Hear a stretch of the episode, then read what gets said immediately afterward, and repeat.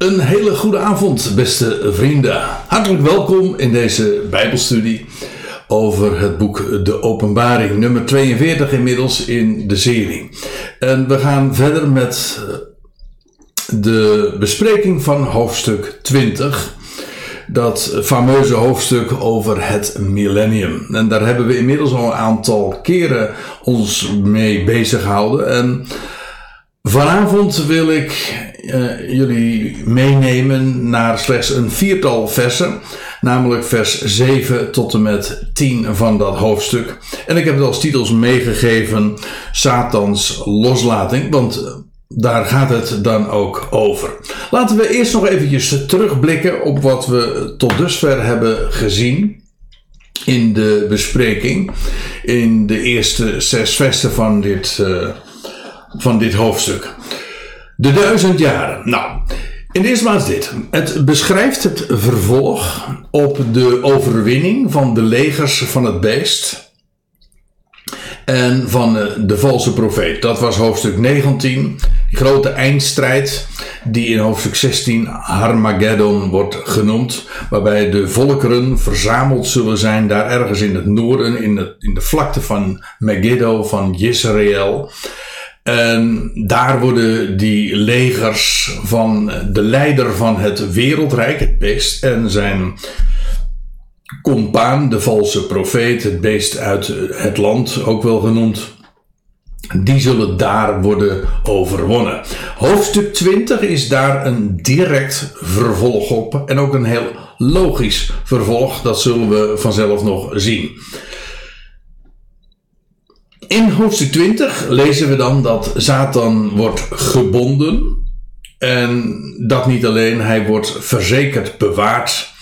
En dat alles met de doelstelling dat hij niet langer in staat zal zijn, zoals voorheen, om de natieën te verleiden. Elke bewegingsmogelijkheid is hem ontnomen. Hij wordt in de afgrond ge worpen. De afgrond wordt vervolgens afgesloten. De deksel wordt ook, ook nog eens een keer verzegeld. Kortom, uh, er is geen ontkomen voor hem aan. En dat alles dient eigenlijk ook om uh, hem volstrekt op non-actief te zetten.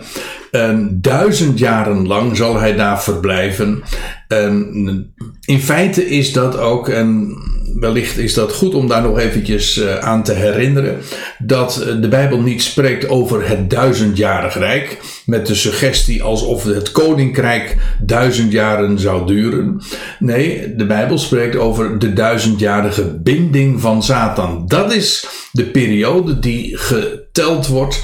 Dat wil zeggen, eh, het begint te tellen bij het, vanaf het moment dat Satan zal zijn gebonden en uh, de periode loopt af op het moment dat hij weer wordt losgelaten. En dat is gewoon uh, de periode van het millennium, oftewel de duizend jaren. Een ander, excuus. Een ander kenmerk van uh, die duizend jaar is dat eraan voorafgaand een opstanding zal plaatsvinden, namelijk van alle gesneuvelden, dat wil zeggen de gelovige gesneuvelden, die tijdens het beestregime, zo laat ik het, uh, zal ik het maar even noemen, zijn omgekomen. Zij zullen voorafgaand aan de duizend jaren worden opgewekt. En dat wordt dan ook de eerste opstanding genoemd. Een opstanding dat eigenlijk vooral een soort opstanding is. Het duidt niet zozeer op een moment, maar het is de eerste opstanding, is een opstanding uit de doden. En het is een opstanding die voorafgaat aan de duizend jaren. Dat is eigenlijk wat uh, de eerste opstanding is. En ik heb de vorige keer ook laten zien dat uh, deze eerste opstanding feitelijk ook gefaseerd uh, verloopt. Feitelijk is het zo dat de eerste die opstond en, en levend gemaakt werd, dat is de Heer Jezus Christus. En dat is inmiddels 2000 jaar geleden. Maar het is allemaal een opstanding voorafgaand aan de duizend jaren. Dat is een opstanding uit de doden. Dat wil zeggen met achterlating van de overige doden. Pas na de duizend jaren zullen alle doden opstaan. Oftewel de overige doden die daarvoor nog niet, nog niet waren opgewekt.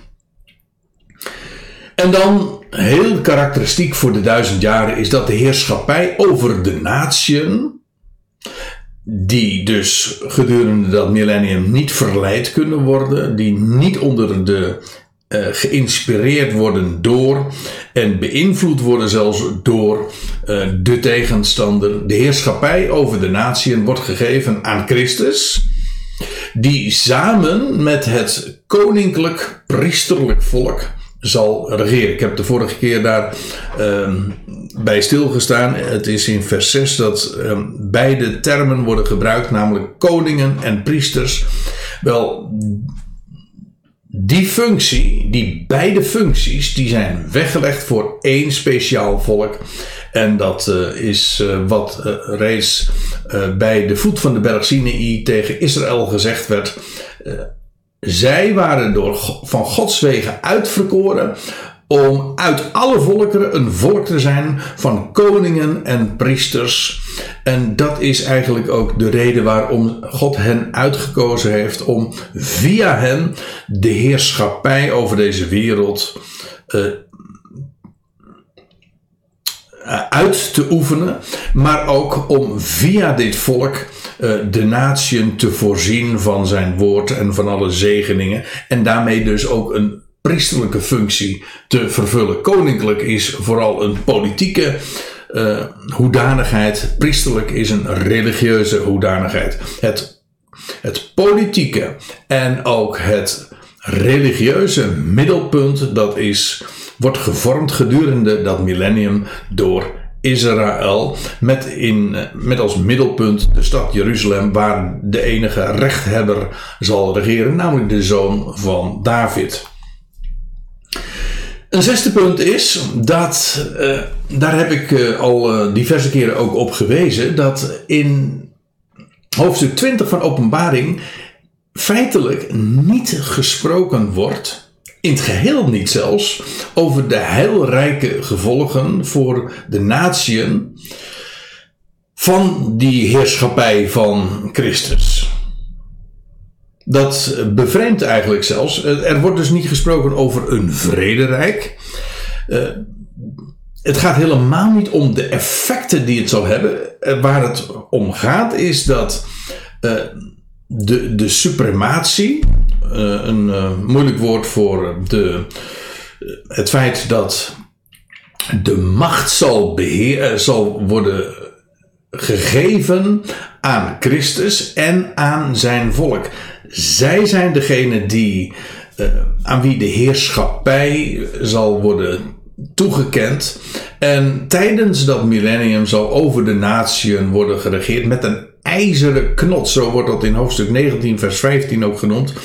Ook dat laat zien dat het niet zozeer gaat om het, om het feit dat dat geweldige gevolgen zal hebben voor de natie. Dat is wel zo, maar daar gaat het niet om. Het gaat erom dat er één volk zal zijn die de heerschappij in handen zal hebben over de wereld. Nadat er talloze andere wereldrijken, nou talloze is een wat overdreven, maar vele wereldrijken zijn geweest die eh, om voorrang hebben gestreden en hebben genoten uh, in de wereld, zal uiteindelijk de heerschappij worden gegeven aan één volk en vanuit Jeruzalem zal de wereld worden beheerst. Maar dat is uh, ook een, een heerschappij uh, waarbij werkelijk ook sprake is van Israël die de macht in handen heeft en ook zal afdwingen aan de volkeren. En dat uh, heet daarom ook niet voor niks dat er geheerst zal worden met een ijzeren knots en, en, meer van dat soort uh, toch ook wel gewelddadige associaties worden daarbij gegeven. Met andere woorden, uh, tegenstand en rebellie zal absoluut niet worden getolereerd.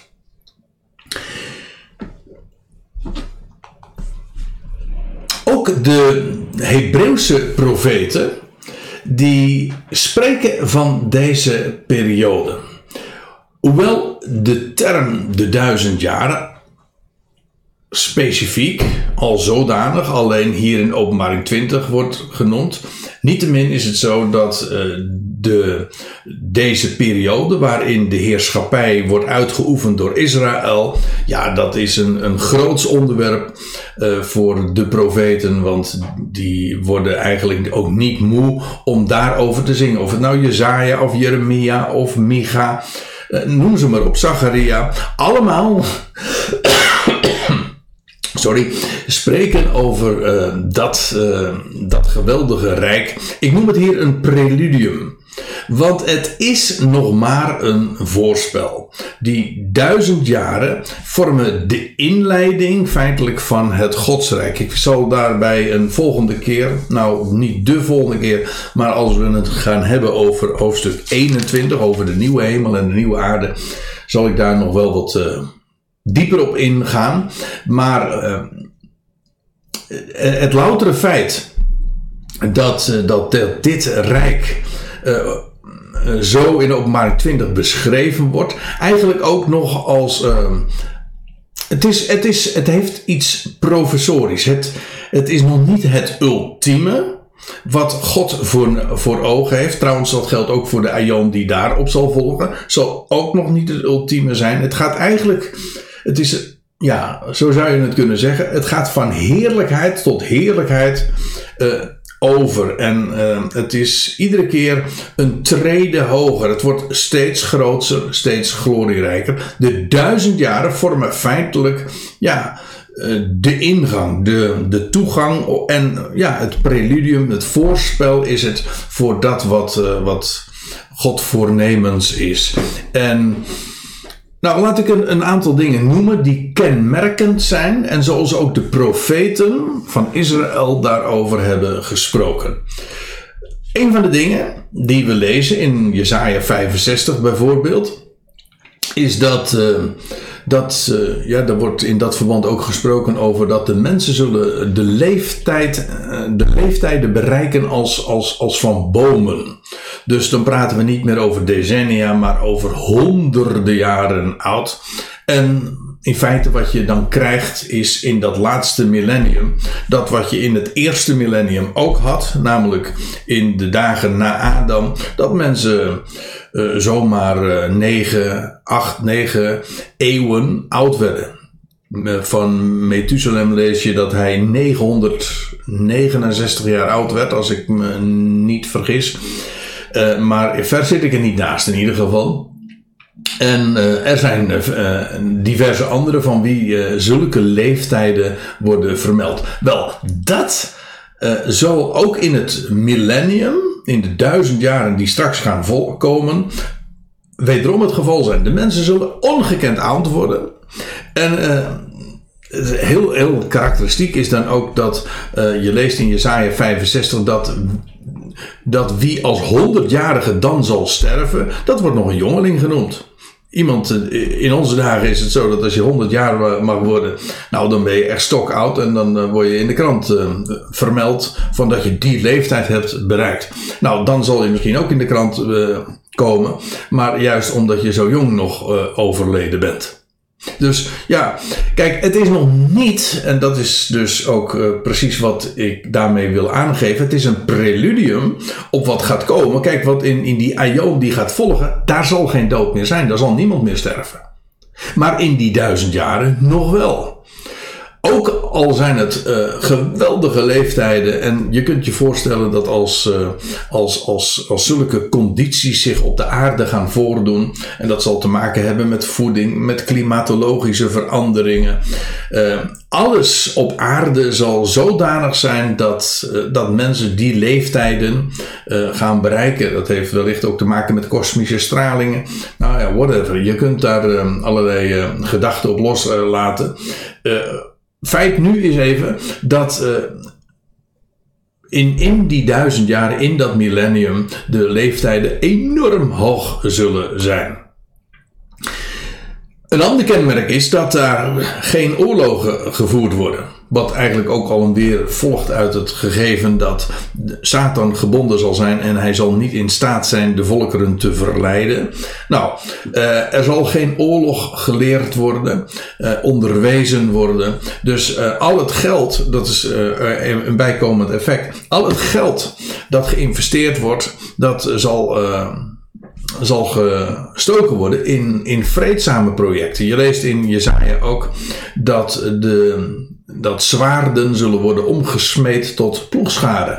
En je kunt je voorstellen dat als, als de hele oorlogsindustrie zal verdwijnen, waar nu een gigantisch kapitaal uh, van het hele, van het hele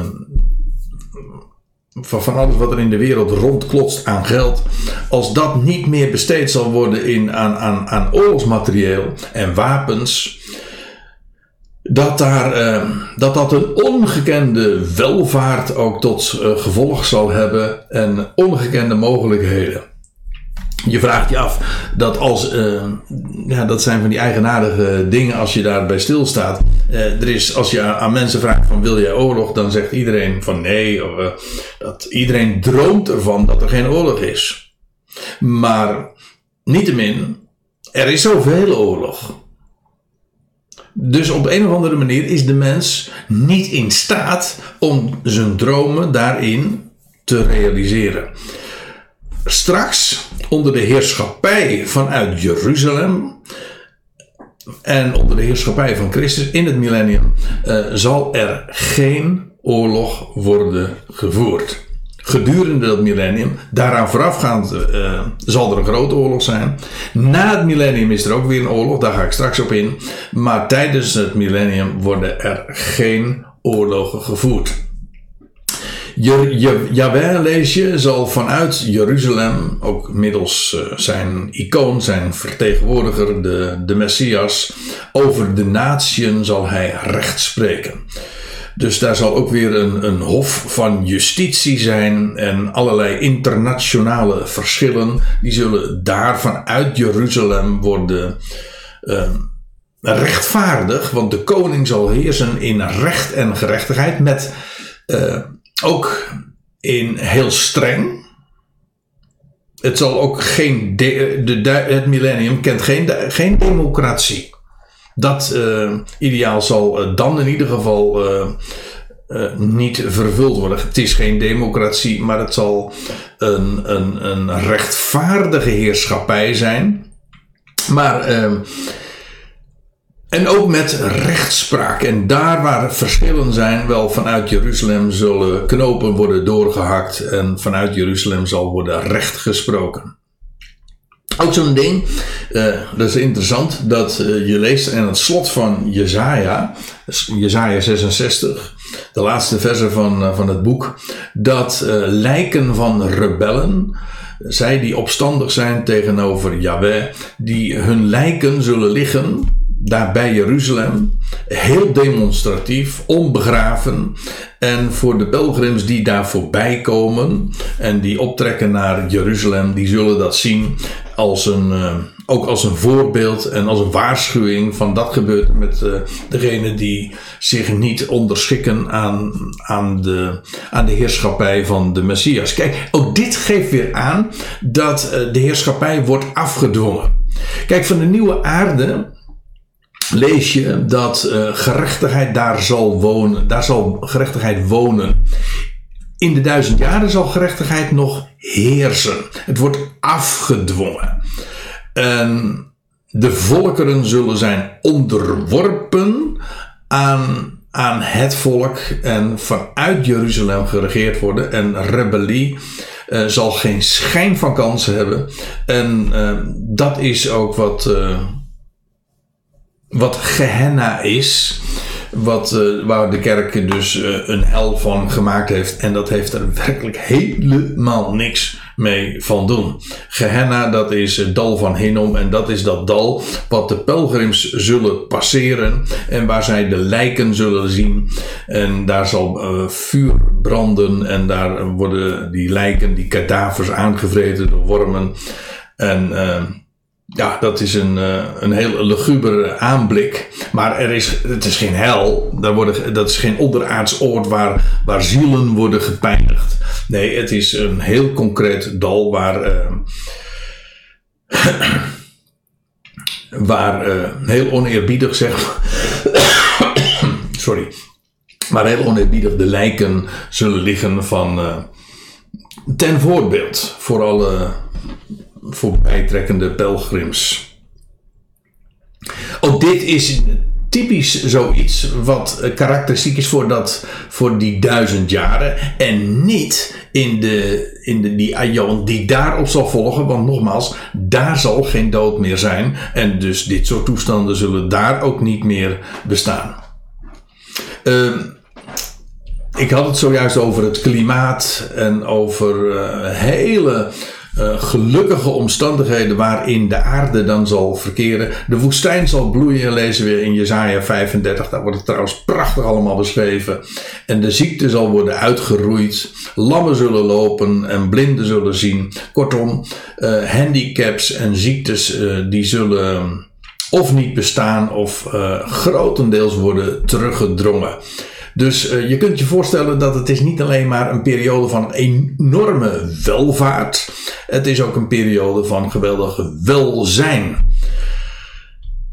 Onder zeer gelukkige omstandigheden.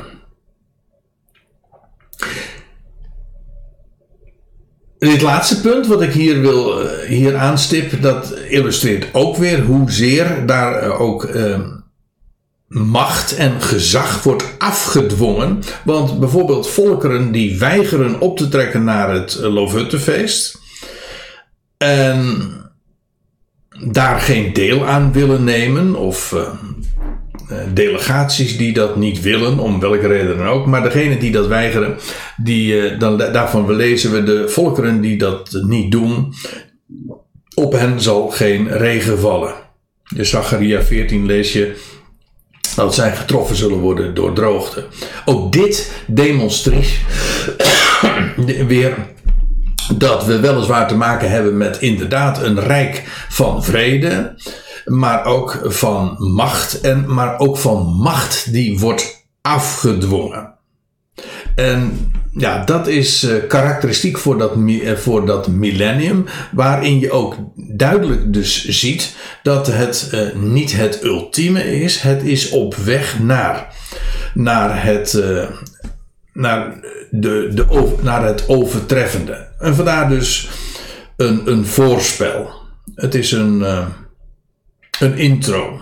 En God heeft nog zoveel meer op het programma. Maar je ziet daarin dus ook dat God zijn uh, weg gaat. En uh, dat niet alles in een late namiddag, uh, dat het allemaal in één keer perfect is. Zo wordt het dikwijls wel voorgesteld. Meestal is het zo dat in, de, in de gangbare theologie is het zo dat ja, men men verwacht de jongste dag. En dan, uh, ja, dan vindt alles op een late namiddag kennelijk plaats. En dan heb je een nieuwe hemel en nieuwe aarde. En, maar zo, zo spreekt de Bijbel er niet over. Eerst is daar dus dat millennium. Uh, waar, we, waar deze dingen, die ik hier zo kortweg zo wat aanstip. Maar de lijst is verre van compleet. Maar al die dingen worden daar.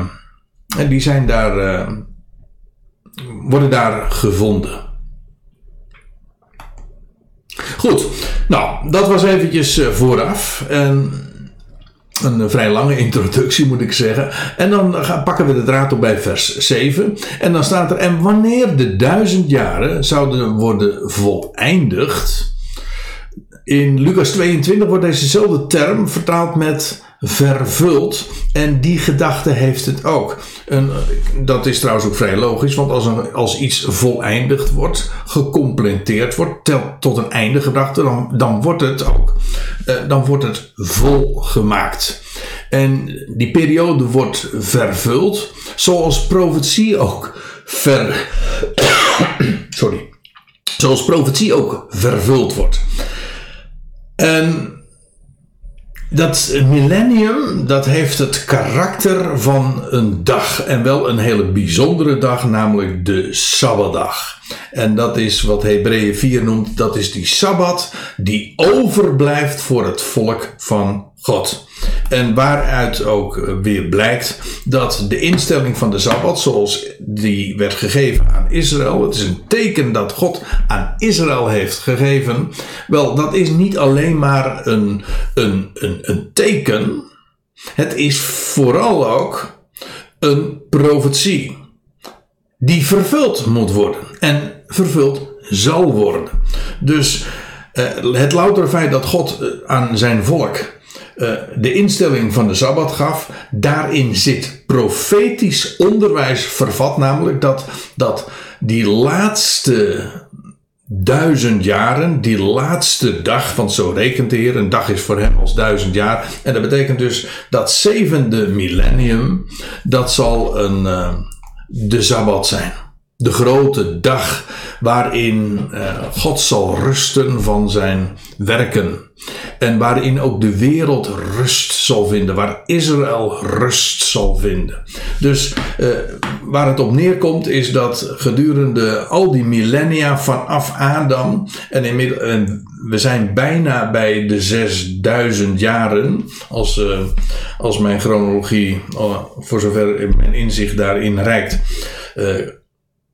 als, wat ik daarop, uh, daarover vaker heb uh, verteld, is uh, dat als dat klopt, dan, dan kan het niet missen dat, we, dat die 6000 jaren bijna voltooid zijn. En dat betekent dus dat het zevende millennium binnenkort gaat aanbreken. 2000 jaar van Adam tot Abraham, 2000 jaar van Abraham tot Christus en vanaf Christus ook weer 2000 jaar tot nu toe. Dat zijn zes millennia. En dat betekent dat het zevende millennium uh, straks gaat komen en dat is die, die duizend jaren, dat grote millennium waarin rust zal zijn. Die Sabbatdag, ja.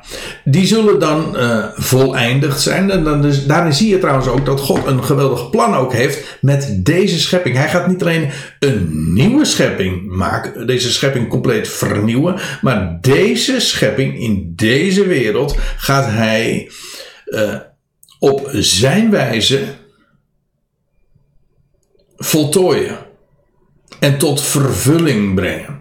En uh, zal in, zal een, in, in een apotheose eindigen. Een, een geweldige climax van alle, van, na zes dagen van duizend jaren, waarin de mens arbeidt en het ideaal probeert te bereiken, dan zal God zeggen: En nu is het mijn dag, nu is het rust. En nou staken jullie je arbeid en nu is het de dag van mij. En dat zal een geweldige dag zijn. Nou, dat is waar die duizend jaren over gaan. En die, uh, maar ze zullen, zoals ze een begin hebben, hebben ze uiteraard ook een einde. En als ze voleindigd zijn, dan zal Satan vanuit zijn gevangenis worden losgelaten. Zodat uh, die duizend jaren niet eindigen met Christus. Uh, die betekenen niet het einde van Christus heerschappij. Nee, die duizend jaren die eindigen met, met de het met het einde van, uh, van Satans gevangenschap. Die houdt dan op. Hij wordt duizend jaar gevangen. En na die duizend jaren wordt hij dus uh, losgelaten. En hij zal uitgaan, lees je dan, om de natieën te verleiden. Waaruit uh, blijkt dat Satan oftewel tegenstander, want dat is de betekenis van het Hebreeuwse woord, uh, echt een recidivist is. Hij gaat, uh, hij gaat weer herhaaldelijk uh, in de fout. Maar tegelijkertijd moet ik erbij zeggen, daarmee vervult hij ook werkelijk wel zijn functie ook op het goddelijk schaakbord. Niet iedereen kijkt daar zo tegenaan, maar ook in ehm, de Satan is niet een zelfstandige macht. Nee, God heeft een tegenstander nodig, oppositie nodig om zijn macht te doen blijken en om zich te manifesteren. En, en daarin zijn, ja, God werkt altijd door middel van contrast. En, en hij heeft ook een tegenstander geschapen. En in dit geval ook na de duizend jaren gaat hij weer Satan wezen. Hij is op non-actief gezet, duizend jaren, met een doel. Maar hij wordt net zo goed ook weer met een doel losgelaten. En vervolgens gaat hij precies weer doen wat je van hem zou mogen verwachten als tegenstander. Namelijk, hij gaat de natieën verleiden. Waarmee hij in feite ook weer een functie vervult. Want Satan die gaat dan de volkeren, of eigenlijk moet ik het zo zeggen, via Satan, of door middel van Satan, worden de natieën getest. Ze hebben duizend jaren lang genoten van de zegenrijke eh, effecten van de heerschappij van Christus en vanuit Jeruzalem en van de Israëlitische wereldheerschappij. Wat hebben die natieën gedurende die tien eeuwen geleerd? Nou, dat gaat nu blijken. Je zou zeggen van, nou, nu hebben we de les geleerd. En wat blijkt, is het volgende. Nou, laat, ik eerst nog even uh, uh, doorlezen. Uh, hij zal uitgaan om de natieën te verleiden die in de vier hoeken van de aarde zijn. Sommige mensen hebben daaruit afgeleid dat de Bijbel zou leren dat de dat de aarde een, een, uh, een plat vlak zou zijn met een, een, een vierkant of een vierhoek. Wat niet het geval is. Uh, de Bijbel spreekt trouwens ook over het rond der aarde. Eh, maar dat is daar helemaal niet mee in strijd. De vier hoeken van de aarde, dat zijn gewoon de vier windhoeken. Daar spreken wij ook over. Dat zijn gewoon uh, in, in hoofdstuk 7, vers 1, daar lees je over, over Johannes, die zegt, dan, dan staat er: Ik nam vier boodschappers waar, staande op de vier hoeken van de aarde. En er staat een pal achter die de vier winden van de aarde vasthouden. En wij spreken ook nu nog steeds over die vier hoeken, die vier windhoeken, noord, zuid, oost, west. En dat zijn die vier hoeken van de aarde. Waarbij ik trouwens ook nog bij moet zeggen dat in de Bijbel de aarde niet een planeet is. Nee, echt niet. De aarde, dat is het land. Soms zelfs in de hele enge zin van het woord. Ik heb daar al vaker op gewezen in de bespreking van het boek De Openbaring. Uh, is het heel specifiek het land Israël. Maar uh, in de breedste zin is het gewoon het land. Dat betekent dus dat uh, iemand die op zee vertoeft niet op aarde is. De aarde is dus niet een planeet, de aarde is gewoon het droge. Zo staat het al in Genesis 1, dat is de definitie van Gods wegen zelfs. Er staat, hij noemde het droge aarde. Kortom, wie op het droge is, uh, bevindt zich op aarde. En degene die op zee is, die bevindt zich niet op aarde. Maar dat, is, dat wordt juist van elkaar onderscheiden. De aarde, het drogen en de zee. Dus uh, ja, het is uh, dat zoeken termen als aarde en hemel, en dat geldt voor een heleboel begrippen, die moet je goed definiëren en je moet de Bijbelse zulke woorden Bijbels ook invullen. Anders uh, ga je gekke conclusies trekken. De vier hoeken zijn hier dus gewoon de vier windhoeken. En dan staat er nog iets bij. Um, nog even dit. Hij ging uit om de natieën te verleiden die in de vier hoeken van de aarde zijn. En dan staat erachter Gog en Magog. Nou, daar moeten we toch echt uh, eens eventjes nu wat dieper op ingaan. Sorry hoor.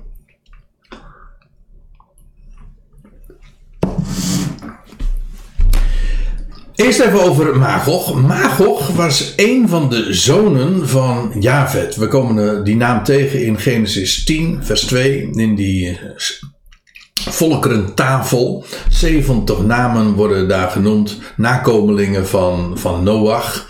En eh, een van de zonen van Javet was dus Magog. En hij is dus. Uh, en hij is een stamvader van een volk daar in het uiterste noorden ten opzichte van Israël. Ik. Uh, ik ga nu eventjes helemaal voorbij aan de vraag waar dat precies gelokaliseerd moet worden. Uh, dat is een hele boeiende vraag op zich.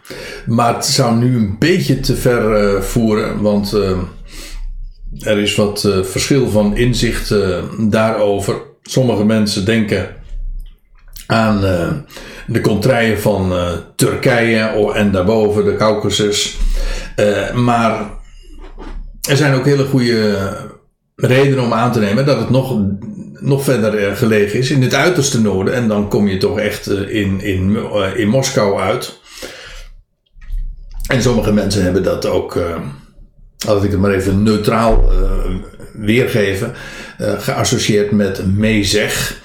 Uh, eerst nog even dit. Dat Magog, dat is eigenlijk, dat Ma, dat is een Hebreeuws voorzetsel, dat betekent vanaf. Dus eigenlijk Magog betekent gewoon van Gogh. Wat natuurlijk niks te maken heeft met, met de bekende Nederlandse schilder. Dat is, hoewel de uitspraak ongeveer identiek is.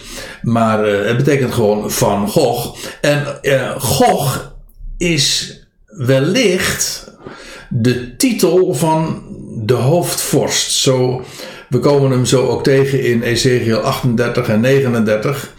En zodat het wel degelijk een persoonsnaam is, maar niet. Uh, maar dan gekoppeld aan zijn functie. En vergelijk dat met begrippen als een tsaar of de Shah. De Shah van Perzië, wie is dat? Nou, dat is gewoon een functie. Net zo goed als farao. Dat is een functie, dat is het hoofd van Egypte. En je hebt allerlei farao's. Zodat. Uh, zodat je niet. Uh, dat Gog, dat is wat ik er eigenlijk ook mee wil zeggen, dat Gog niet per se gekoppeld is aan één persoon, maar wel aan één functie, namelijk de hoofdvorst. Uh, ik vergelijk het trouwens ook met het uh, Amerikaanse POTUS, de President of the United States. Het zijn allemaal van die termen die gekoppeld zijn aan, aan, aan de de functie van macht over een bepaald volk. Of, of dat nou een Russische tsaar is, of een Persische Shah, of de Egyptische farao, of de Amerikaanse POTUS. Uh, er zijn uh, ongetwijfeld nog veel meer voorbeelden van te geven. Maar dat is waarschijnlijk, als u het mij vraagt, de, het idee van Gog. En je leest ook, hij is de hoofdvorst van Mezeg. Ik noemde het zojuist al. En de, als je even de klinkers wegdenkt, die in het Hebreeuws feitelijk ook geen rol spelen, dan uh, kom je eigenlijk uit bij, uh, bij een, een woord dat wellicht ook dezelfde stam heeft als Moskou. En Tubal wordt, ver, wordt vereenzelvigd met Tobolsk. Ik laat het even in het midden. In ieder geval, zo wordt hij wel um, Gog uh, genoemd in, in Ezekiel 38. En het loutere feit dat hier in openbaring 20 Gog en Magog weer genoemd worden, is uh, wel opmerkelijk. Waarom? Wel, het is een herhaling. Want de strijd van Gog en Magog zoals die in hoofdstuk 38 en 39 wordt beschreven in uh, Ezekiel, die vindt plaats voor het millennium. Ik heb daar al eerder op gewezen toen we bezig waren met de bespreking van hoofdstuk 19.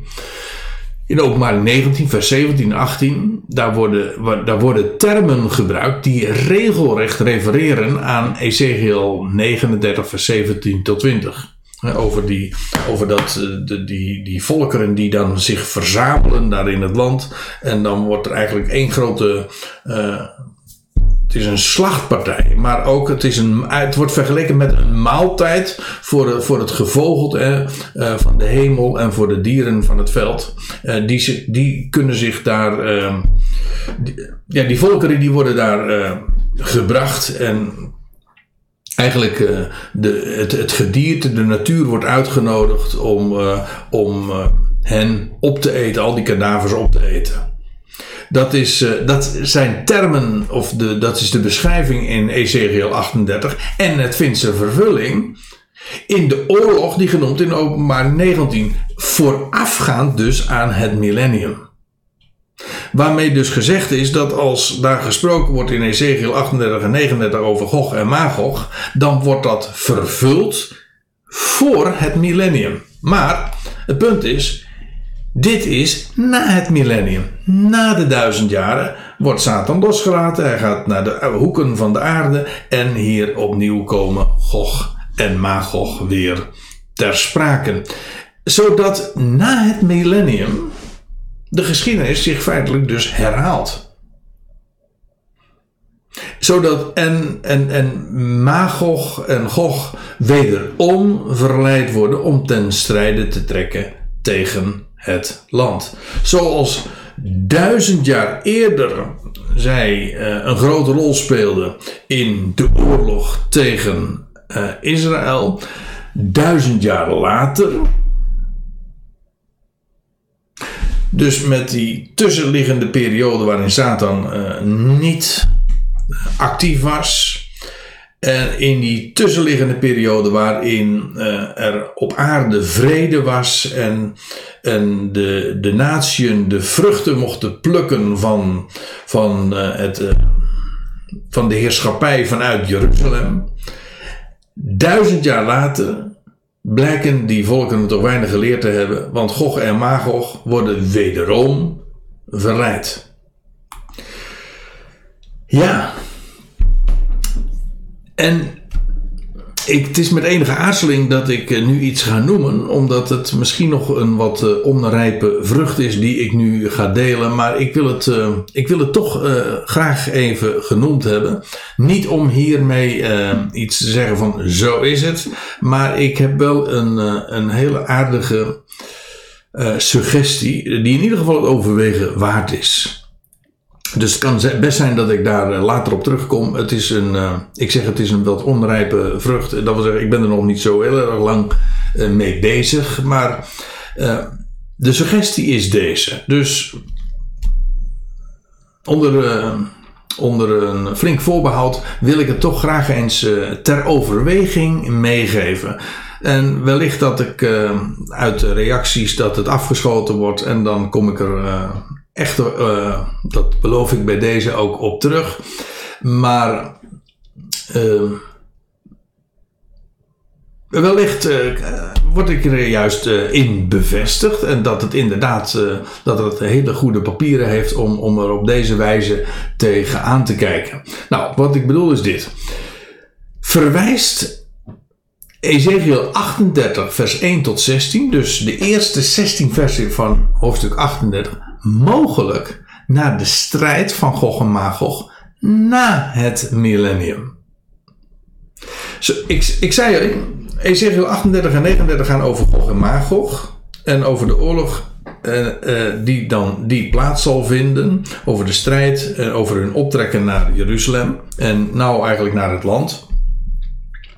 Dan zou je de vraag kunnen stellen: uh, over welke strijd gaat het dan? Want als er zowel voor als na het millennium sprake is van zo'n oorlog, waarover gaat Ezekiel 38 en 39 dan? Nou, ik heb toen ik hoofdstuk 19 besprak van openbaring, toen heb ik laten zien dat uh, Ezekiel 39 met name heel duidelijk laat zien dat het voor het millennium is. Dat kan niet missen. Uh, ik heb daar toen een hele,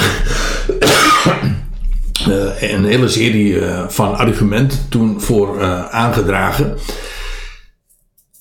Maar ik moet er tegelijkertijd bij zeggen dat de eerste 16 versen van hoofdstuk 38 wijzen op condities die spreken, die, ja, spreken van en vervuld worden na het millennium. En, en een paar dingen wil ik noemen.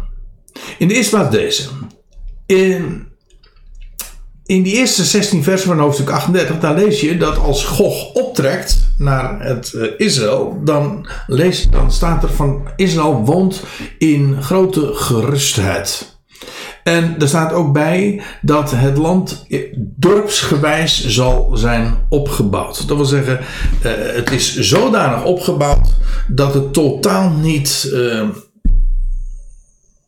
Zich hoeft voor te bereiden op, op oorlog of zich hoeft te verdedigen. Het, dat suggereert inderdaad een conditie dat er, er een, periode aan vooraf gegaan is van grote vrede en gerustheid en geen enkele reden om je als, als nederzetting, als, als, als, stad uh, te bewapenen of te beveiligen. Het land is uh, open, uh, ligt helemaal open en is dorpsgewijs opgebouwd. Er is nog een hele interessante aanwijzing. Uh, dat uh, die eerste 18, 16 versen spreken over uh, Gog en Magog na het millennium. En dat is dat Gog en Magog en de geallieerde volkeren, die zij dus meenemen, die komen om het land te plunderen. Het is niet eens in de eerste plaats vijandschap tegen het volk. Ze komen om te plunderen. En daar staat er ook bij van zilver en goud, haven en god. Kortom, het land Israël zal uh, voor Gog en Magog een. Uh, ja, dat is gewoon een honingpot van, van, van, van goederen. Van zilver en goud. Dus dat suggereert dat dit volk. Uh, over de tijd heen eh, een enorme rijkdom heeft uh, verzameld. En, zilver en goud heeft haven en goed. daar valt wat te plunderen. Kijk, voor het millennium zal Gog en Magog. zal Gog en Magog en de geallieerde volkeren bij Harmageddon optrekken naar het land. Jawel, maar dan zal inmiddels de Messias ook al regeren in het land, dat is waar.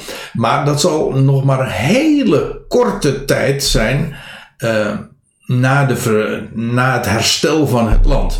Dus uh, dan is, is al nog volop in herstel. En uh, niet in de conditie dat ze dan ook al een geweldige voorraad heeft opgebouwd van, van, van goederen, van zilver en goud. De wijze waarop deze dingen beschreven worden suggereert uh, dat hier al een lange tijd aan vooraf gegaan is van vrede, maar ook van een geweldige opbouw van, van, uh, van, uh, van welvaart. En vooral als je realiseert dat Israël tijdens het millennium het volk zal zijn dat de wereld zal beheersen. Uh, dat betekent dus dat uh, alle grote goederen ja, zullen in hun handen liggen. Kortom, deze eigenschappen, deze condities, die beantwoorden heel sterk, als u het mij vraagt, aan dat wat je mag verwachten na het millennium. Dan wil ik nog iets noemen. Het leger dat uh, zal opkomen van Gog en Magog, uh, dat bestaat uit soldaten te paard. In hoofdstuk 38, vers 15 lees je dat. Cavalerie, hè? in de meest letterlijke zin van het woord. Dat zijn uh, dus ruiters. Dat betekent dus dat daar vanuit het uiterste noorden maar eigenlijk, uh, maar de alliantie is uh, veel breder. Nou, die zal optrekken naar het land. Maar de, de uitrusting zal zeer primitief zijn. Er, dat trouwens geeft ook alweer aan dat de periode die hier aan vooraf gegaan is, dat daar helemaal geen oorlogsindustrie was. En dus betekent dat ze zich heel professorisch en in militaire zin zeer simpel uh, zich zullen verplaatsen en uh, met, uh, met soldaten te paard naar het land zullen komen. er vindt namelijk gedurende het millennium, zoals gezegd, daarvoor zal geen oorlogsindustrie er zijn. Dus je kunt je voorstellen dat alles na de duizend jaren Satan weer losgelaten wordt en Gog en Magog verleid worden en op zullen trekken naar het land. Ja, dat, uh, dat zij dat niet met een hele geoliede, uh, geolied en, en bekwaam en hoog ontwikkeld leger kunnen doen. Want dat bestond er gedurende het millennium niet. Ook deze conditie, die ik hier als vierde noem, laat zich heel gemakkelijk verstaan. En kun je heel gemakkelijk invullen als het uh, vervuld wordt na het millennium. En dat betekent eh, dat uh, het navolgen, pas, ja, dat het navolgende vanaf vers 17 tot en met ja, tot het slot van hoofdstuk 39, eigenlijk vers 20, wordt in die passage wordt een eerdere oorlog van dezelfde Gog gesproken. Wat ik dus eigenlijk verzeg is, er vindt twee keer, dat is een ding wat zeker is, er vindt twee keer een strijd plaats uh, van Gog en Magog, namelijk voor en na het millennium. Dat dat kan niet missen. Dat staat volgens mij ook helemaal niet ter discussie. Maar uh, een, een voor mij nieuw inzicht is dat ook die strijd na het millennium in Ezekiel 38 al genoemd wordt en wel in de eerste 16 versen. En het, het keerpunt uh, is uh, vers 17, daar lees je dit van Ezekiel 38. De vertaling is wat uh, omstreden. Je zult ook zien dat uh, als je dat uh, in andere vertalingen opslaat, dat de, de, weergave soms wat kan variëren. Maar er staat dit. Zo zegt de Heer Yahweh. Ben jij het, Gog, Gog wordt aangesproken, van wie ik gesproken heb in vroegere dagen door de hand van mijn dienaren? Israëls profeten, die profeteerden in de dagen over jaren om u tot hen te brengen. Is even dit. Um, trouwens, eerst moet ik er nog even bij zeggen. Het wordt hier als vraag uh, gebracht. Ook dat is trouwens wat omstreden, want andere vertalingen die. Uh, die hebben dit niet als vraag, maar is het een stelling. Jij bent het, Gog, van wie ik gesproken heb in vroegere dagen. Kijk, het idee is dan dat uh, Gog wordt aangesproken en, over, en wat God eigenlijk zegt tegen Gog. Ik heb over jou al uh, in vroegere dagen gesproken. Dit, het voor vers 1 tot en met 16 ging over de strijd na het millennium. En nou, en nou wordt God aangesproken en zegt van ik heb door God zelf, ik heb over jou al gesproken in vroegere dagen, namelijk uh, dat was dan voor het millennium, toen ook Gog en Magog het land binnenvielen. En God had uh, gesproken in vroege dagen, ja hoe dan wel? Nou wel door de hand van mijn dienaren Israëls profeten, zoals Ezekiel, die profeteerde in de dagen over jaren. Om u, en God wordt aangesproken, tot hen te brengen. Hey, dat is eigenaardig. Die, die, die, profet, die profeten, die profeteerden in de dagen. En waar profeteerden ze over? Over jaren over jaren om Gog tot hen, tot Israël te brengen. Maar dat is eigenaardig. Want, uh, hoezo? De Gog komt binnen in Israël voor het millennium. En komt na het millennium ook Israël weer binnen. Twee keer, dat zijn twee momenten. Maar in feite is dat inderdaad precies wat hier uh, beschreven wordt. Die profeten, die profeteerden in de dagen over jaren. Namelijk voor en na de duizend jaren. Dat is dus een hele lange periode waarin Gog gebracht wordt tot Israël of Israël binnenvalt, of hoe je het ook maar formuleren wil. Gog uh, komt tot Israël en dat gaat over jaren. En dat klopt uh, in deze uitleg die ik u uh, nu ook voordraag en ter overweging meegeef. die lezing lijkt mij heel erg voor de hand liggend. Namelijk dat aangezien Gog twee keer voor en na het millennium het land binnenvalt. Betekent dus dat zij. dat dat dus inderdaad een, een komen is tot, tot Israël. Uh, en dat gaat over jaren. Nou, dat kun je wel zeggen, want het is maar liefst een periode van duizend jaren. Dus vers 17 is eigenlijk het, het breekpunt, of in ieder geval het voorafgaande gaat het over, over Gog, die voor de, of pardon, na de duizend jaren zal optreden en zal binnenvallen in een land dat ja, uh, een hele lange tijd van rust heeft gehad en dorpsgewijs zal opgebouwd zal zijn. Er zal geen legers gevormd zijn gedurende die tijd. Wel, dat zijn de condities die beschreven worden. En dan zegt de Heer van ja, jij bent het Gog. Ik heb al over jou, ik heb van jou al gesproken in vroeger dagen, namelijk voor het millennium ben jij ook al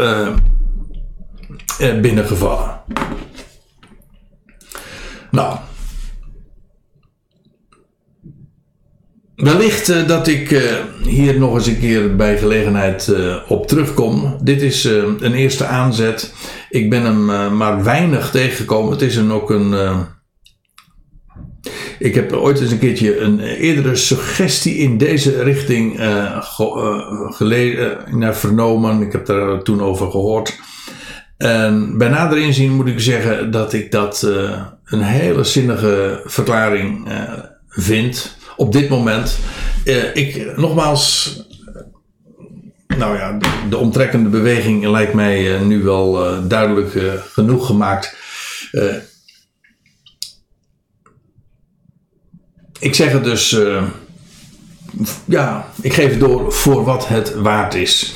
En wellicht dat ik hier misschien deze woorden weer moet gaan inslikken en dat het toch niet zo blijkt te zijn. Het kan ook zijn dat, dat ik juist in deze weg bevestigd ga worden. Maar ik deel dat graag met jullie als luisteraars en wees vooral kritisch. Ik verneem graag reacties op, op deze uitleg.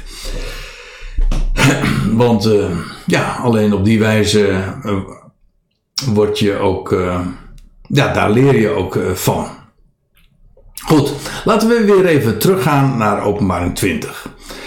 Satan zal uitgaan dus om de natie te verleiden, die in de vier hoeken van de aarde zijn, Gog en Magog, om hen te verzamelen tot de oorlog.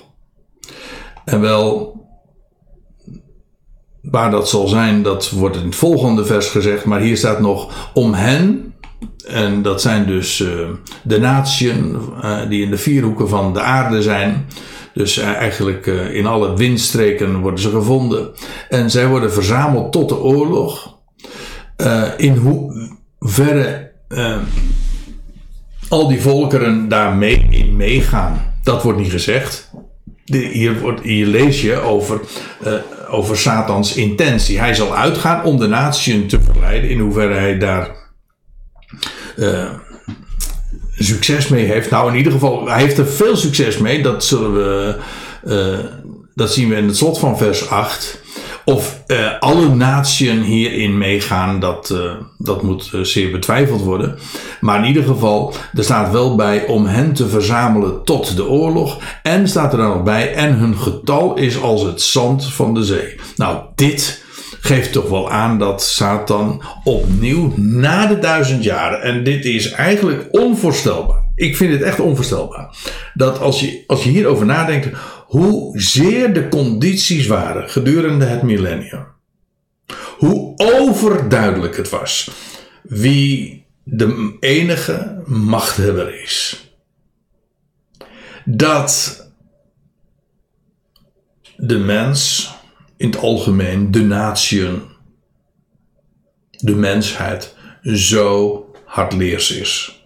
En dat ze toch weer voor de bijl gaan en zich laten verleiden. Want dat staat hier, hun getal is als het zand van de zee. Met andere woorden, overvloedig. Het is ontelbaar. Dus uh, je kunt je voorstellen uh, dat de wereldbevolking inmiddels ook enorm zal zijn uitgebreid. Kijk, voor het millennium uh, zal, het, zal de wereldbevolking enorm uitgedund zijn. Dat kan niet anders. Als je leest over de gerichten die over de, de wereld zullen gaan, dan, dan zullen er grote delen van miljarden mensen zullen echt omkomen. Bij de aanvang van de duizend jaar, moet je ook goed realiseren, als de, het millennium aanvangt, dan zijn allen die binnengaan, die dat, die periode gaan meemaken, bij aanvang, zijn allemaal positief getest. Om eventjes eh, in de termen te blijven van uh, waar we momenteel erg uh, mee van doen hebben met, in verband met corona. Maar kijk, Slechts de schapen, ik, dit is weer een term uit Matthäus 25. Je leest uh, dat uh, als de, de, de zoon des mensen zal zitten op de troon van zijn heerlijkheid, hè, de Ben Adam, dan gaat het ook inderdaad in Matthäus 25 over vlak voor de duizend jaren. Dan zullen de volkeren verzameld worden en dan worden ze verdeeld in de schapen en de bokken. En de, waar het criterium is hoe zij zich hebben opgesteld eh, ten opzichte van uh, de minste van zijn broeders ten opzichte van het gelovig Israël. En uh, de volkeren worden daarop beoordeeld. En zij die uh, bokkig zijn geweest en zich daartegen verzet hebben, zij zullen het millennium niet meemaken en omkomen. En zij die uh, wel hebben, wel welwillend hebben ontvangen, die zullen het, uh, het koninkrijk, die, die duizend jaren, wel ingaan. Nou, dus dat betekent dat bij aanvang van het millennium de, duizend, de hele wereldbevolking gelovig zal zijn. Bestaat ik weet niet uh, of de, de term helemaal in dit verband uh, de lading dekt. Want we moeten natuurlijk wel spreken. we spreken nu eigenlijk wel in, in politieke termen. Dat wil zeggen, het gaat om, om om, om een koninkrijksprediking. Israël zal uh, de heerschappij gaan uitvoeren en, en zij ook het, even, de boodschap van het koninkrijk uitdragen. En zij die daar zich aan willen onderschikken, wel, zij zullen dat koninkrijk gaan meemaken. En zij die dat niet willen, die zullen omkomen. En dat heeft dus niks te maken met. Uh, een, een, een, een, religieuze boodschap van uh, mensen die hun hartje aan, aan Jezus hebben gegeven, of dat soort christelijke terminologie, dat is niet aan de orde. Het zijn, het zijn degenen die zich onderwerpen en bereid zijn te, te onderschikken aan het volk aan wie God de heerschappij geeft. Zijn broeders, inderdaad. En ja, die, die volkeren heten dan ook, degene die dat mee gaan maken, dat, die heten de, de schapen. En, tegenover de bokken dus. Maar je kunt je ook voorstellen, wat dan vervolgens plaatsvindt, uh, bij de aanvang van het millennium bestaat de hele wereldbevolking uit allemaal uh, gelovige mensen, mensen die zich onderwerpen aan de Messias. Maar gedurende, sorry, Gedurende het millennium zullen uh, ook weer nieuwe generaties worden geboren. Ik zei al dat uh, gedurende het millennium de mensen enorm oud zullen worden. Dus je mag ook aannemen dat uh, de wereldbevolking ehm, e-, enorm zal gaan uitbreiden.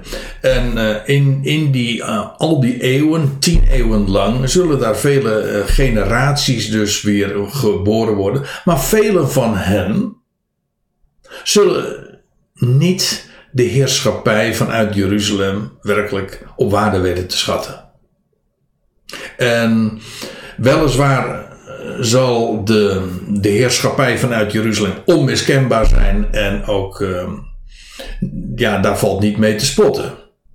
Maar er, uh, het, zoals openbaring 20 erover spreekt, suggereert dat in de loop van het millennium er ook toch in de, zeker dan kennelijk in de navolgende generaties, mensen die dus gedurende het millennium geboren zijn, eh, dat daar onvrede komt.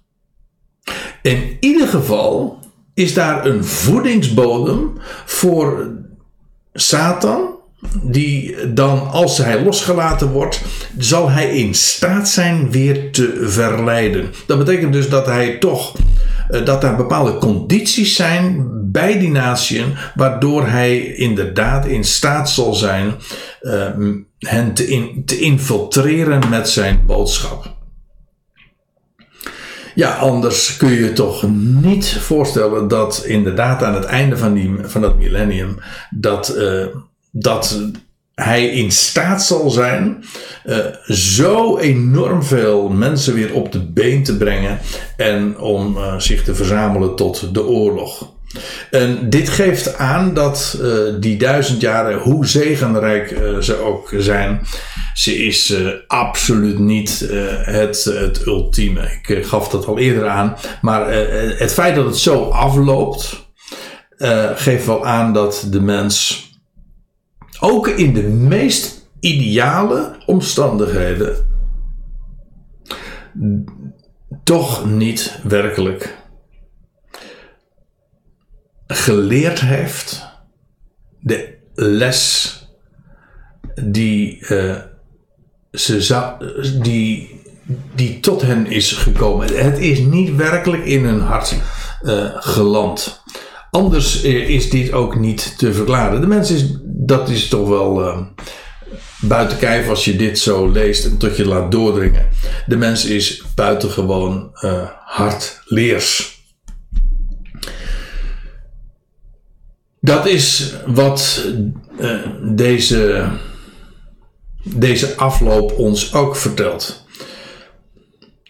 Kijk, over, als we het hebben over God en als we omhoog kijken, dan uh, zijn onze verwachtingen altijd te laag. Als we het daarentegen hebben over, uh, over verwachtingen van de mens, uh, nou dan moet je nog eens een keer overrekenen. En dan blijkt dat je niet je vertrouwen kunt stellen op een mens, zelfs al is het een prins, staat in Psalm 146. Hè? Nee, dan. Er is er maar één die je werkelijk kunt vertrouwen. En dat is God. Maar zelfs een wereld, zelfs een volkerenwereld, die zozeer de, de vruchten heeft geplukt van de rechtvaardige heerschappij vanuit Jeruzalem, blijkt eh, na duizend jaren nog niet werkelijk hun les geleerd te hebben. Dat is wat openbaring 20 vers 8 duidelijk zegt. Hun getal is als zand der zee. En dan staat erop, en zij, dus al die, die die dan uh, inderdaad verleid zijn. Zij kwamen op van de breedte van de aarde en omsingelden de legerplaats van de heilige en de geliefde stad. Nou, welke stad dat is, dat, uh, dat is niet zo moeilijk. Dat is uiteraard Jeruzalem. Dat is de stad van de grote koning. Dus notabene, de stad die gedurende het hele millennium centraal stond. Vanuit Jeruzalem zal de wet uitgaan. Des Heeren woord uit, uh, uit Sion. Uh, en volkeren zullen optrekken naar Jeruzalem. Dat is allemaal de situatie in die duizend jaren. En dan is het aan het einde van die duizend jaren dat de Satan weer losgelaten wordt. En in no time blijkt hij in staat te zijn om vanuit de breedte van de wereld, van de breedte van de aarde, volkeren te mobiliseren en uh, naar die stad te gaan en om de legerplaats van de heiligen, oftewel de heilige legerplaats, oftewel de geliefde stad, te omzingelen. En dan staat er dus ook heel kort. En vuur daalde vanuit de hemel en verslond hen. Geen veldslag, de, omstand, de opstand wordt vanuit de hemel beantwoord. Niet horizontaal, maar verticaal. Dit is de situatie. Vuur daalde vanuit de hemel en het verslond hen. Er blijft dus helemaal niks van over. Uh, het kan nauwelijks korter beschreven worden. Maar dit is het goddelijke antwoord. Uh, goddelijk omdat het inderdaad vanuit de hemel komt. En er blijft ook helemaal niets van over. En dan staat er in vers 10 nog: En de diabolos, de duivel, de doorheenwerper, die hen deed verleiden, die dus duizend jaar lang gebonden was, maar nu eh, voor korte tijd was losgelaten. De diabolos die hen deed verleiden, werd geworpen in het meer van het vuur en van zwavel. Nou, over dat meer. Uh, daar heb ik het uh, al uh, eerder over gehad, want het kwam namelijk aan het einde van hoofdstuk 19 ook al ter sprake. Ja, in 19 vers 20. En nu in 20 vers 10 uh, opnieuw. dat meer van. Kijk, een, een, het meer.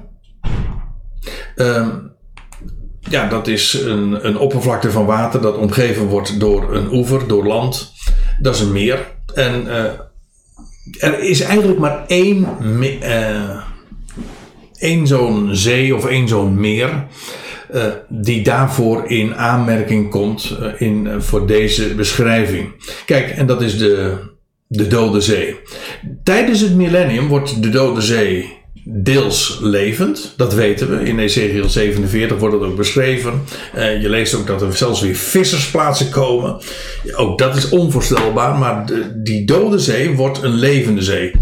Ik zeg deels, want er staat ook een aantal plekken die worden overgegeven aan het zout en die worden niet levend gemaakt. Maar voor het grootste gedeelte worden uh, wordt het weer inderdaad een levende zee. En er zijn zelfs weer vissersplaatsen. Dus er zal weer uh, heel veel uh, groen zijn. Zoals dat trouwens ooit in het verleden ook het geval was. Want voordat er ooit vuur en zwavel, jazeker, uit in hoofdstuk 19 lees je dat van Genesis, vuur en zwavel uit de hemel kwam, daar in die regio van Sodom, Gomorra, Daarvoor was het ook een buitengewoon vruchtbare plaats. Nou, uh, we weten wat daar gebeurd is. En uh, in die zee, er is nu nog uh, enorm veel zwavel wordt daar gevonden. En er zijn meerdere tijden geweest dat daar weer allerlei erupties waren. En dat daar ook uh, weer rook vanuit uh, opsteeg. Vanuit uh, deze zee, vanuit deze contrij. In ieder geval, als meer van vuur en zwavel zal het voor de duizend jaren fungeren.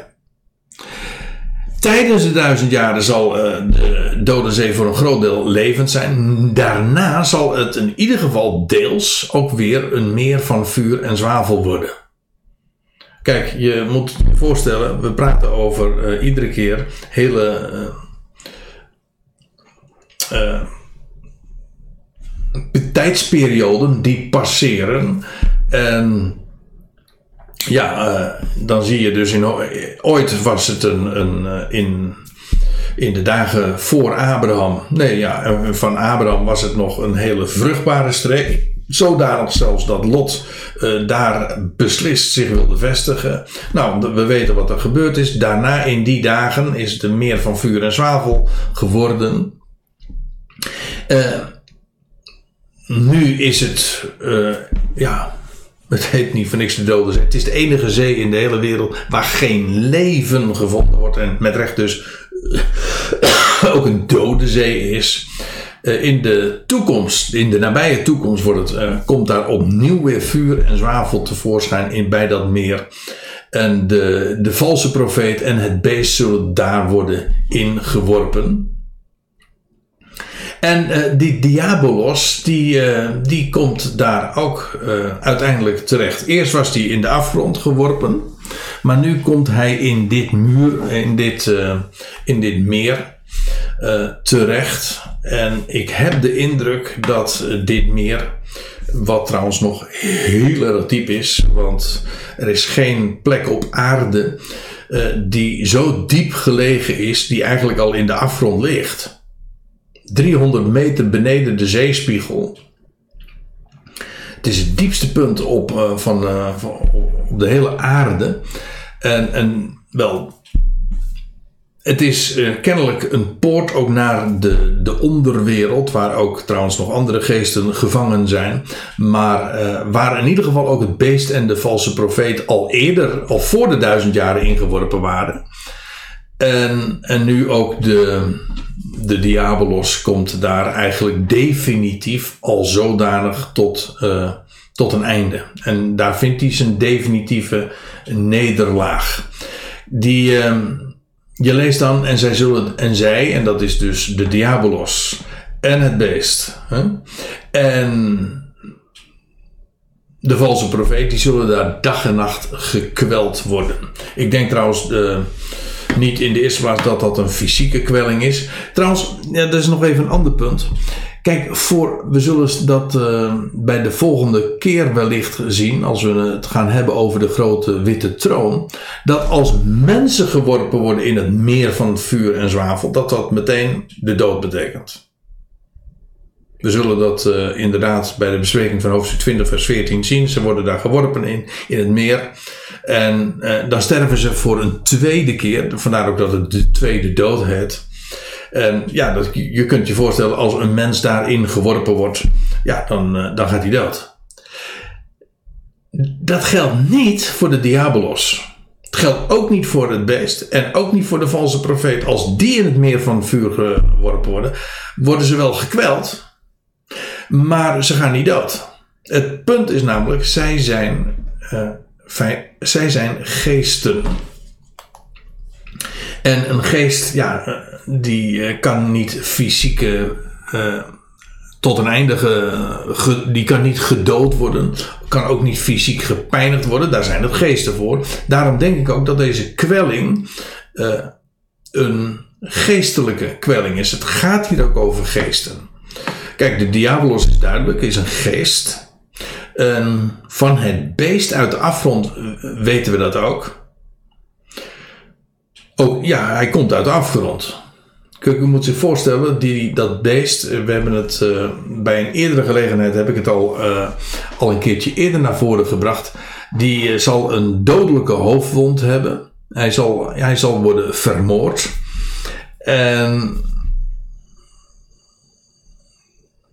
vervolgens wordt, wordt dat Rijk, die tien statenbond, krijgt een zevende hoofd.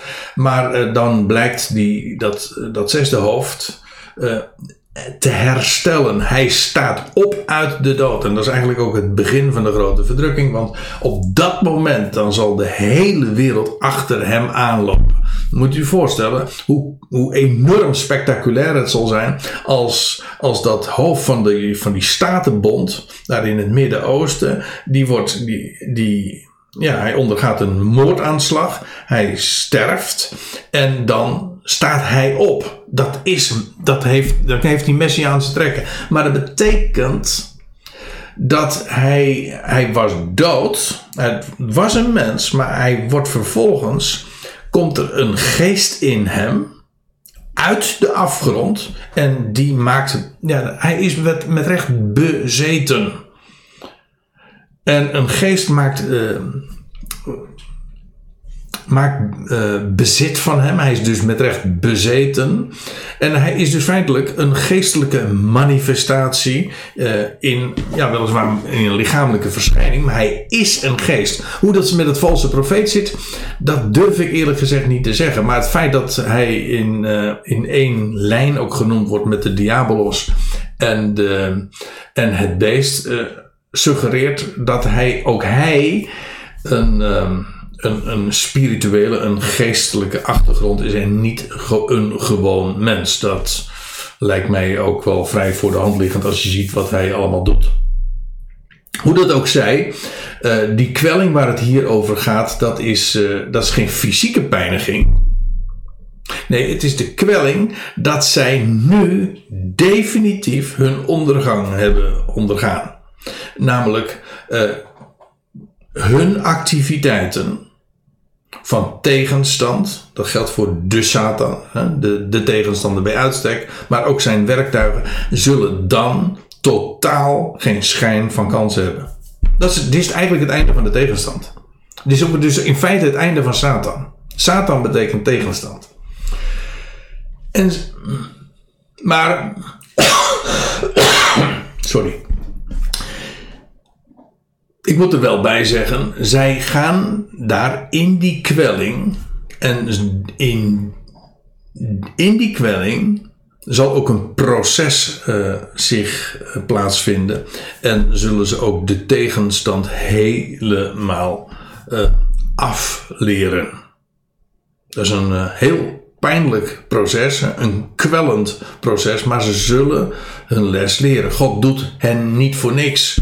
Uh, in, uh, hij, hij laat het niet voor niets werpen in, in dat meer, om daar gekweld te worden. Om te leren dat er maar één is voor wie ze zich zouden neerbuigen. Dat, je leest van de, dat de Heer Jezus, als hij misleid wordt uh, gedurende die 40 dagen door Satan in de woestijn, dan, dan uh, op een gegeven ogenblik dan krijgt hij het aanbod om, om zich te buigen voor.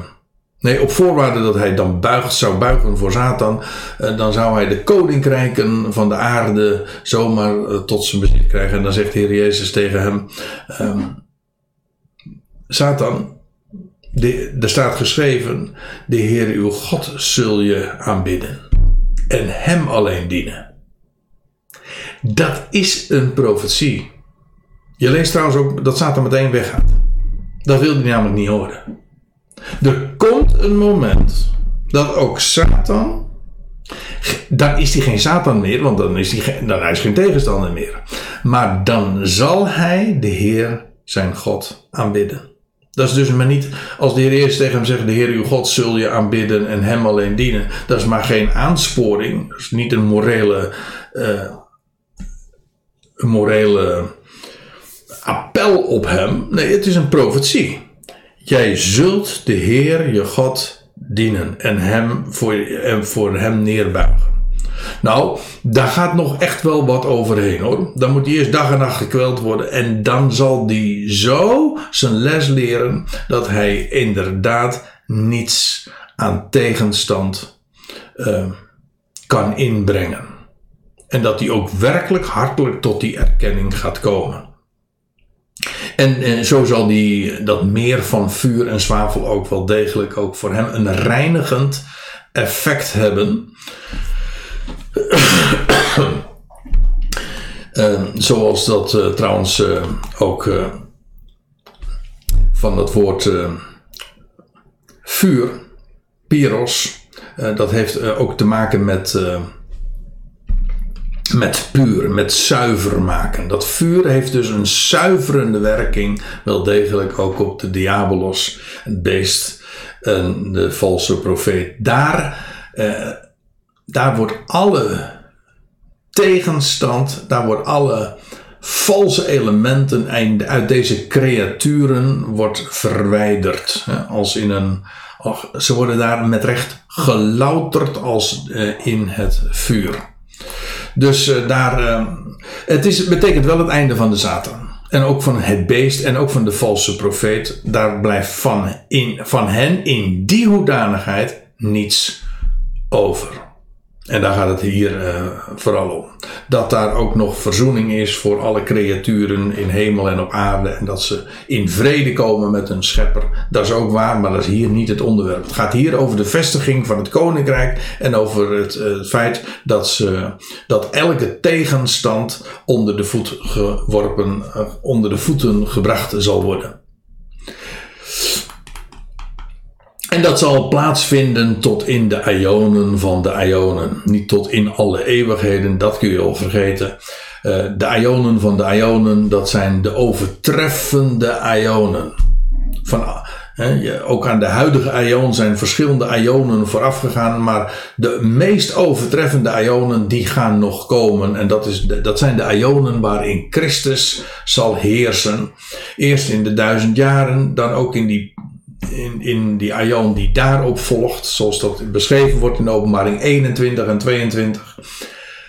En in die perioden zullen zij, uh, zal, terwijl het koninkrijk uh, gevestigd zal zijn en van heerlijkheid tot heerlijkheid over zal gaan, zullen zij dag en nacht gekweld worden tot in de ionen van de ionen.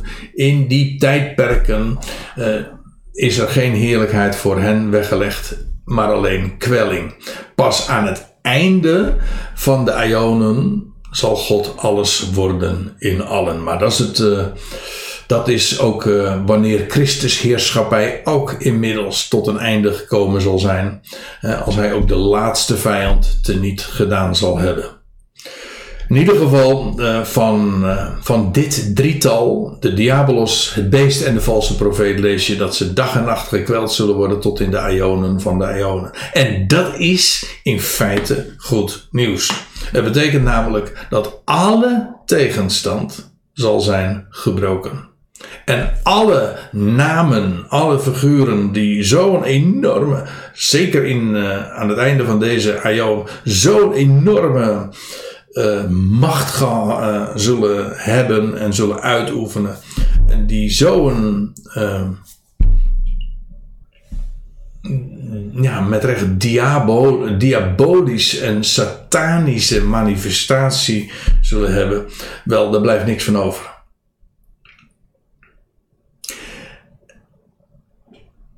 En zij gaan inderdaad de vuurpool in, vuurpoel in en uh, daar uh, zullen ze de loutering ondergaan. Tot in de ionen van de ionen. U ziet het, uh, de term zelf al geeft aan hoe God nog ionen in het verschiet heeft liggen. En hoe hij alles tot volheid gaat brengen. En hoe hij ook de tijd neemt en tijdperken nog gaat invullen. En het ene overtreft het andere. Want uh, die laatste aion die heet dan ook de, de van de ionen. Dat wil zeggen, uh, dat is de meest overtreffende. Het grootste, het heerlijkste. Nou, daar gaan we het ook ongetwijfeld nog over hebben wanneer we in hoofdstuk 21 en 22 aan zijn aangeland. Maar nu is het genoeg om dit uh, vastgesteld te hebben. Goed, nou, daar uh, wilde ik het graag bij laten. De volgende keer gaan we verder met hoofdstuk 20 en wel met uh, dat gedeelte vanaf vers 11 over de grote witte troon. Ook zo'n ontzettend uh, ontzagwekkend gedeelte over hoe de overige doden zullen opstaan en de boeken open gaan. Nou, daar uh, is nog een heleboel over te melden, maar dat uh, reserveren we voor een volgende keer. Tot dusver, of tot zover wil ik het hier even bij laten. En ik wil u heel hartelijk bedanken voor uw aandacht. En ik zou zeggen, al het goede, God zegen en tot een volgende keer.